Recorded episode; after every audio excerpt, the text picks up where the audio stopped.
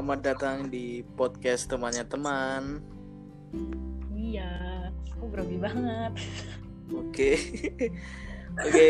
Jadi pada kesempatan kali ini teman-teman pendengar akan sedikit lebih ilmiah ya daripada episode-episode sebelumnya, Asli. karena kita akan membahas tentang sebuah penemuan. Mungkin bukan penemuan yang baru juga, tapi juga bukan penemuan yang usang. Cuman ini jarang dibahas di dunia podcast. Jadi kalau teman-teman searching tentang misalkan penerimaan diri atau tentang konflik penerimaan diri, pasti ini podcastnya yang muncul atas-atas. Iya. Dan kita kali ini eh, kedatangan eh, seorang peneliti yang sudah menjadi sarjana yang bernama Alia Insana Syafira. Alhamdulillah. Halo, Halo, masih di Padang Alia? masih sementara ini di sini dulu. Dan sebentar lagi ini ya wisuda ya. Iya, insya Allah Februari ini. Oke, dan pada kesempatan kali ini kita akan mengulik apa yang menjadi penemuan Alia selama beberapa bulan, setahun lebih ya hitungannya ya. Kalau Iya. skripsimu kan ini kan, Gimana? skripsimu kan ya. Iya, skripsi. Nah, eh, bagi pendengar yang eh, kenapa kok suaranya agak beda karena kita berada di posisi yang berbeda ya. Aku di Jogja dan Alia di Padang. Jadi kita pakai anchor call gitu dan direkam. Nah, sebelum kita masuk membahas yang lebih serius lagi, aku mau membacakan judul dan abstrak skripsinya Alia. Jadi judulnya itu adalah konflik penerimaan diri pada mantan pelacur di daerah penghasil pelacur.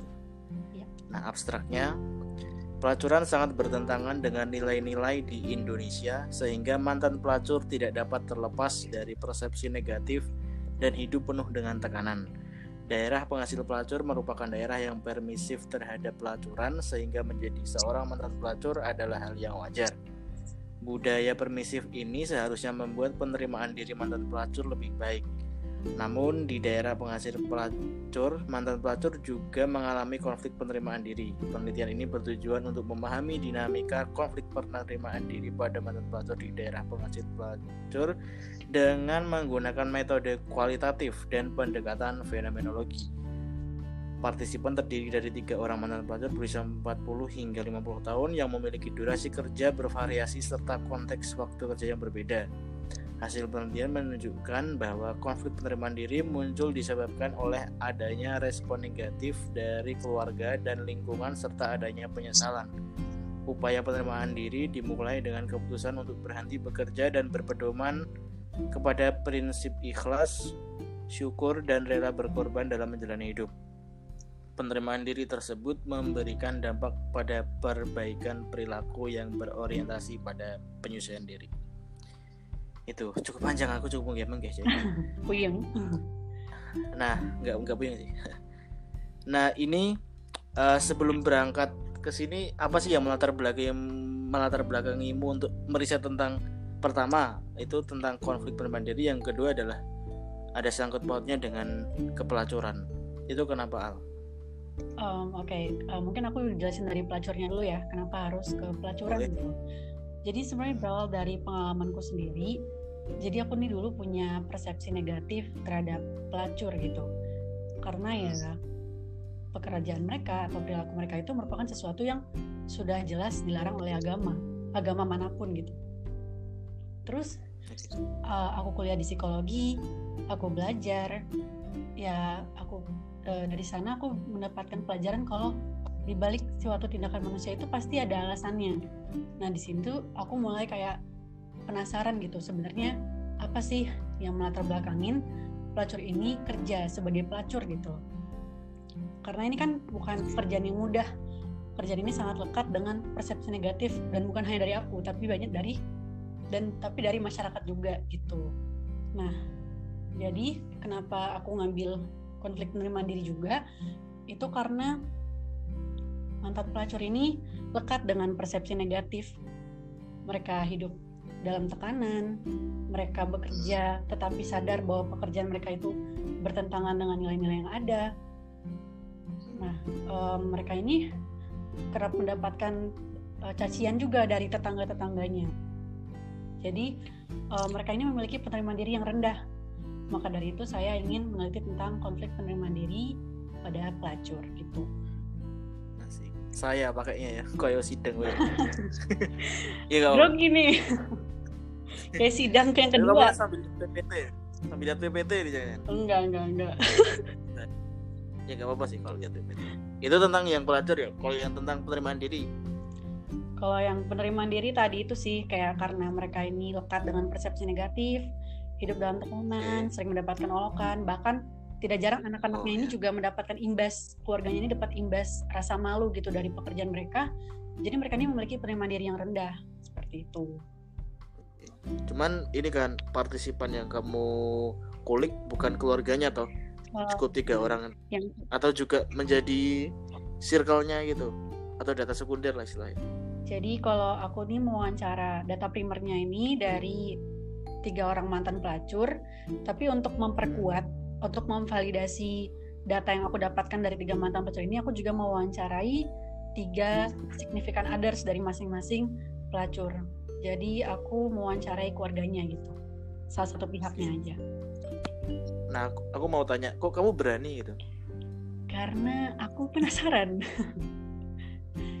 iya, maksudku uh, ketika orang lain penasaran tuh kadang-kadang kan belum sampai ke action ya, maksudnya aku mau tahu tentang itu tuh mau tahu tapi ya ya udah googling aja gitu atau hmm. ya udah gitu maksudnya kalau kamu kan sampai akhirnya menemui gitu tetap bertegur sapa yeah. bertanya jawab bahkan uh, hidup di sana kan nggak apa nginep gak sih kamu di sana? Nginep, nah itu kan sulit kan menurutku nggak nggak semua orang ketika penasaran tentang seorang pelacur atau mantan pelacur pasti akan melakukan hal yang sama. Kamu kan maksudnya berani sampai melangkah itu gitu. Iya. Yeah uh, jadi nah itu. sebenarnya tuh berawal dari rasa penasaran dulu kan terus kemudian aku bertemu yeah. sama dosen pembimbing skripsiku itu Profesor Kuncoro itu ngajakin aku ke desa tempat aku peneliti gitu. Nah di sana ya aku juga awalnya pada awalnya takut gitu ya kayak aku harus gimana ya? Uh, harus memandang mereka gimana ya? Pasti mereka nggak pengen gitu dilihat dilihat atau dikasihani gitu sama kita. Pasti mereka pengen diperlakukan biasa aja. Nah dari situ aku coba buat ngobrol sama mereka terus dari sana tuh kayak gimana ya? Ini tuh ternyata menarik banget gitu. Kayak aku tuh semakin tertantang untuk menggali ini lagi. Dan karena aku juga udah kenal sama orang-orang sana jadi aku juga lebih berani sih untuk ke sana gitu menggali langsung. Karena aku juga ngerasa kalau aku bisa menantang diriku dan aku bisa melaksanakan itu sampai selesai aku ngerasa bakal bangga banget sama diriku sendiri gitu berarti sempat ini gak sih sempat tarik ulur gitu gak sih? Ketika belum ke sana gitu. Ketika masih nyusun proposal gitu jadi nggak jadi gak gitu mengalami nggak? Enggak sih. Dari awal sampai enggak. sekarang itu judulku tetap sama dan temaku tetap sama. Nginepnya itu sekali waktu atau pernah pulang juga nggak sih? Ke Jogja misalkan atau ke pokoknya sempat pulang nggak sih sempat akhirnya terus nginep lagi. Sempat kok. Jadi aku tuh ke sana tuh sekitar tiga kali. Nah uh, dari tiga kali itu dua kalinya nginep di sana. Tapi ya nggak terlalu lama gitu. Kayak sekitar tiga hari terus aku pulang. Terus kunjungan berikutnya juga sekitar tiga hari terus aku pulang kayak gitu. Oke berarti nggak nggak nggak sekali aja kan istilahnya kalau risetmu itu. Iya harus berkali-kali juga sih.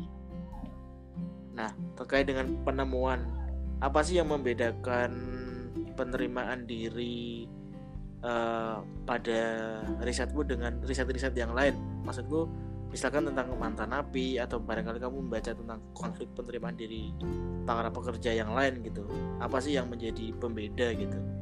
Yang menjadi pembedanya itu karena um, daerahnya sih. Ini merupakan daerah penghasil pelacur gitu di mana banyak wanita yang bekerja sebagai pelacur dan pelacuran ini diakui oleh tokoh masyarakat, kemudian pemerintah dan masyarakat sendiri. Gitu. Jadi menurut saya, menurut aku ini unik banget gitu. Um, di satu sisi desa ini tuh mengakui pelacuran, tapi di sisi lain desa ini tuh desa yang religius gitu. Banyak tempat ibadah yang mega-mega, kemudian banyak tempat pendidikan berbasis agama, kayak pondok pesantren, kemudian sekolah Islam dan TPQ. Tapi wanitanya kebanyakan menjadi pelacur gitu. Nah, kalau untuk konflik penerima dirinya sendiri yang membedakannya mungkin karena ada faktor ini ya, konteks budaya, sosial sama religiusitasnya. Kalau dari budayanya sendiri itu um, daerah ini tuh merupakan daerah yang permisif terhadap pelacuran. Gimana sih permisif itu maksudnya? Permisif itu maksudnya memperbolehkan gitu. Kenapa? Karena pelacur ini nggak hanya menguntungkan dirinya sendiri, tapi juga menguntungkan masyarakat, kemudian saudara-saudaranya, bahkan juga pemerintah. Gitu. Tapi um, dengan konteks budaya ini juga terkait sama sejarahnya dari da daerah desa tempat saya tempat aku sorry ya nih ke Bridget jadi desa tempat aku. Ditonton dosen-dosen iya rasanya tuh kayak sidang lagi. Jadi desa tempat aku penelitian ini uh, dulunya itu tuh kenapa bisa uh, berkembang pelacuran di sana itu karena dimulai dari uh, berkuasanya raja-raja Jawa. Yang ini berarti sekian abad yang lalu dong? Iya udah sangat lama gitu udah kayak tradisi pelacuran di sana itu turun temurun nah lalu? jadi uh, raja Jawa ini kan mempunyai kecenderungan gitu untuk menjadikan wanita sebagai selir-selirnya. Nah desa tempat aku meneliti ini merupakan salah satu pemasok selirnya. Kenapa? Karena wanitanya cantik-cantik gitu. Kemudian pada tahun pada tahun 1870-an itu Belanda kan menjajah Indonesia kan ya. Kemudian dia 1870. Oke, masih ya. Ya. Dia uh, Belanda ini kan menjajah Indonesia. Dia menciptakan kebijakan tanam paksa dengan melakukan uh, perluasan perkebunan ke beberapa wilayah termasuk di desa tempat aku teliti. Nah, uh, kebijakan ini kan membutuhkan banyak tenaga kerja laki-laki.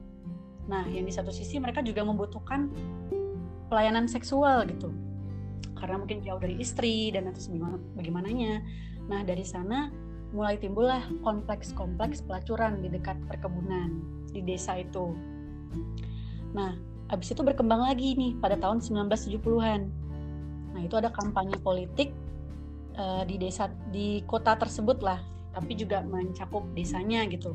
Nah jabat-jabat itu meminta gadis-gadis dari desa D gitu untuk me menjadi pemuas nafsunya mereka gitu. Nah, hal ini tuh meningkatkan orientasi materialnya si perempuan ini karena adanya terjadinya transaksi uang. Um, hadiah dari pemuas nafsu tersebut ya uang gitu. Nah, hal ini membuktikan kalau di daerah tersebut pelacuran itu sudah menjadi tradisi yang turun temurun nilai-nilai kewanitaan tuh cuma dijadikan sebagai komoditi yang bisa dipertukarkan gitu dengan kekuasaan ataupun kekayaan orang tua itu nggak masalah kalau di sana anaknya jadi pelacur gitu. Yang penting dia bisa menghidupi keluarga menghidupi masyarakat dan bahkan menyumbang gitu loh menyumbang pembangunan masjid dan untuk anak-anak yatim. Nah kalau dari sisi religiusitasnya sendiri di sana di desa itu umumnya pada beragama muslim ya.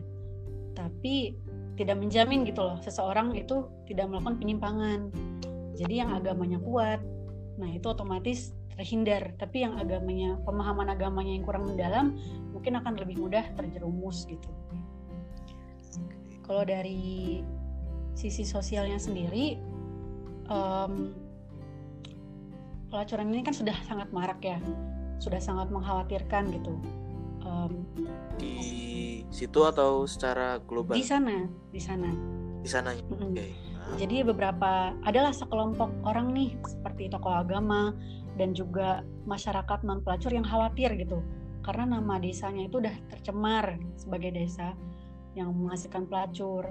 Kemudian juga khawatir kalau em, pelacuran ini akan menimbulkan penyakit menular seksual dan buktinya beberapa perempuan di sana ada yang meninggal karena penyakit menular seksual. Nah, dari itu sekelompok orang ini membuat gerakan moralisasi dan dakwah door to door gitu untuk memberantas prostitusi baik yang di lokalisasi maupun yang di rumah-rumah sehingga dari sana itu udah mulai nggak ada lagi em, prostitusi. Nah sekarang ini eh, pelacuran itu adanya di karaoke-karaoke yang dekat dari desa. Bukan berarti hilang sepenuhnya, tapi masih ada beberapa. Nah yang mempengaruhi konflik penerimaan diri mantan pelacur dari eh, yang saya wawancarai, yang aku wawancarai itu karena adanya pengaruh konteks tadi, konteks budaya, religiusitas dan sosial tadi. Kalau dulu wa- mantan mantan pelacur yang saya yang aku wawancarai ini Allah beribet banget. Kalau mantan pelacur yang aku wawancarai ini mereka ini bekerja pada tahun 2017 sampai 2019-an yang mana em, pelacuran ini udah disikapi secara ketat gitu oleh masyarakat. Udah nggak seperti dulu lagi yang bebas di mana-mana, yang nggak ada yang melarang dan orang tua bangga. Tapi kalau zaman saat ini em, orang tua itu nggak lagi bangga, justru malu gitu. Anaknya menjadi pelacur, bahkan anaknya sang pelacur pun malu gitu. Kalau ibunya menjadi seorang pelacur, karena berkembangnya ilmu pengetahuan tadi dan ni- nilai-nilai keagamaan tadi, pelacuran ini udah nggak sepermisif dahulu lagi gitu. Jadi yang menyebabkan konflik penerimaan diri itu berbeda karena itu tadi sih em, di desa ini sekarang udah nggak menyikapi pelacuran sepermisif dulu lagi. Gitu. tapi sekarang masih ada kan maksudnya Masih, apa yang udah terberantas masih terlalu tapi banyak. terselubung terselubung masih tapi terselubung Em, di karaoke karaoke gitu sih kayak orang tahu itu tempatnya cuman yang menjadi pelaku pelacuran itu cenderung sembunyi-sembunyi gitu. Kalau dulu kan yang frontal ya misalkan dia orang pada tahu gitu dia seorang pelacur. Tapi kalau sekarang ini meskipun orang tahu tapi dia tetap sembunyi-sembunyi gitu. Malu dia. Eh, mantan pelacur yang menjadi partisipanmu ini eh, kan 40 sampai 50 tahun ya? Hmm. itu ketika belum menjadi mantan apakah umur sebelum itu maksudku apakah 40 itu menjadi titik berhenti atau memang aktivitasnya emang 20 30-an gitu? Kalau untuk dua partisipan itu 40 itu memang titiknya berhenti, tapi bekerjanya ya sekitar umur 30-an akhir gitu. Nah, kalau pada satu partisipan itu dia bekerja saat umurnya 20-an. Nah, umurnya saat ini 50 gitu kan. Tapi dia bekerja itu terakhir itu pada saat umurnya 25 sampai dia 7 tahun dia bekerja sampai umurnya 32 kayak gitu. berarti sekitar lama sekali dong itu Iya, itu 20 yang atau 10 tahun yang lalu kan itu yang ketiga itu partisipan yang ketiga itu kerja di saat desa tersebut itu masih permisif banget terhadap pelacuran. Jadi kayak ya ya udah easy aja gitu tujuh tahun kerja.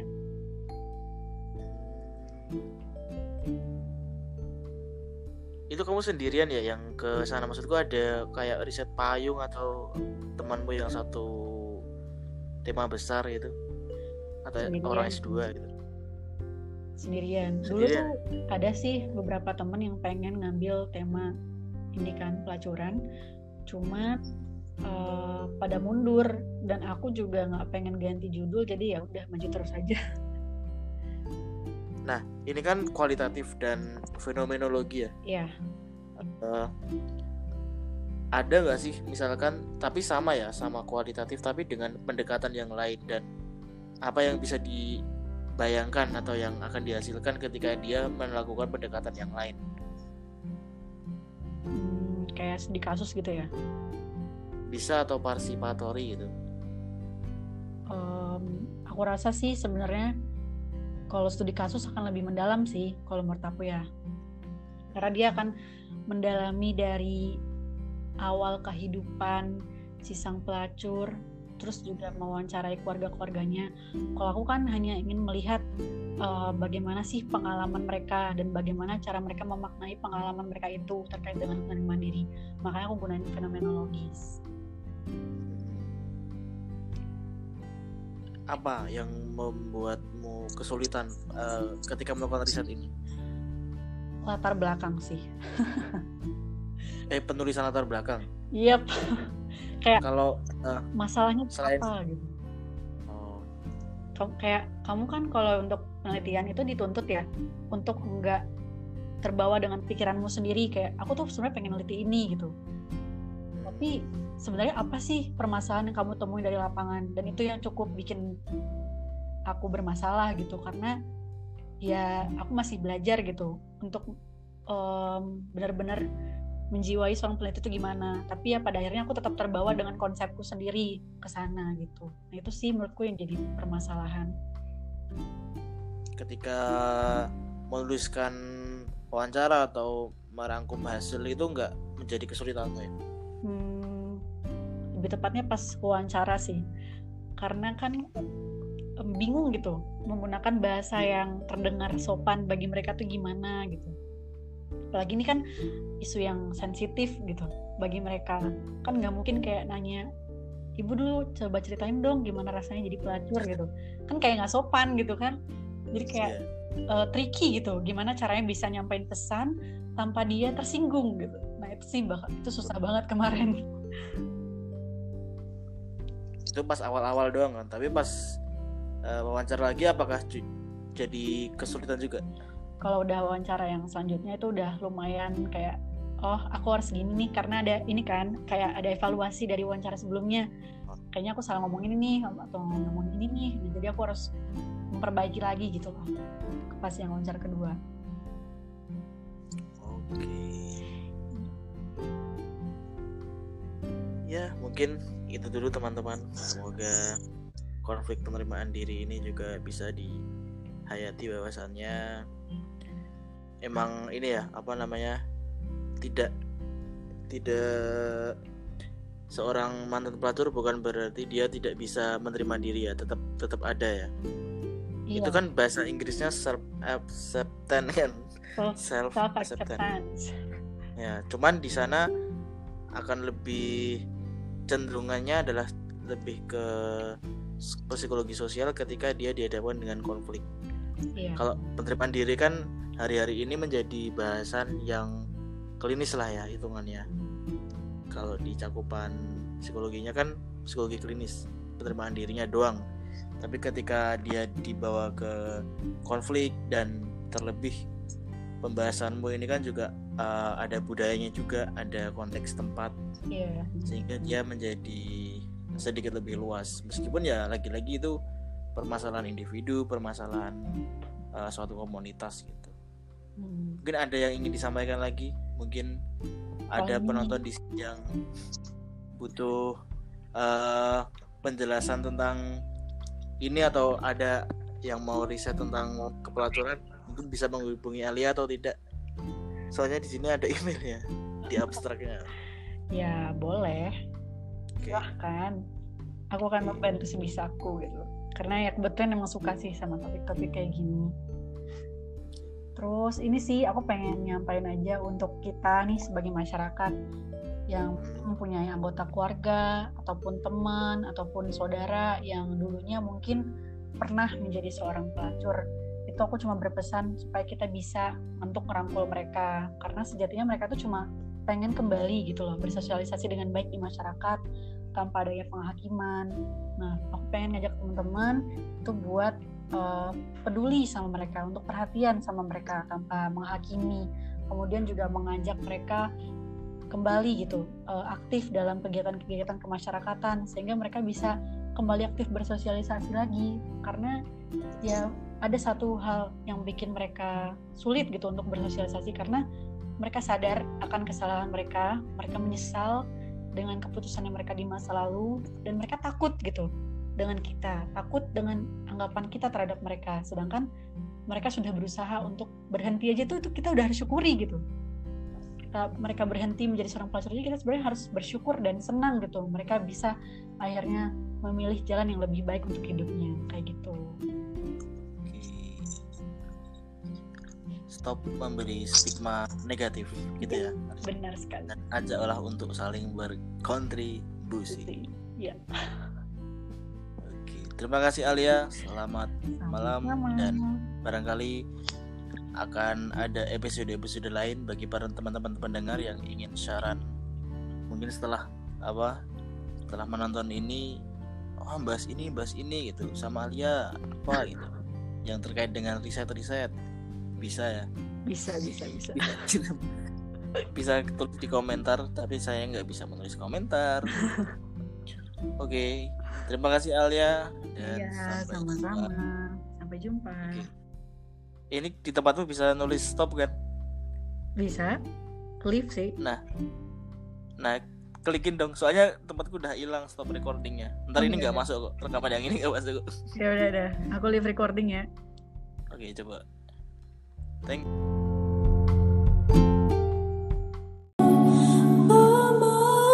you.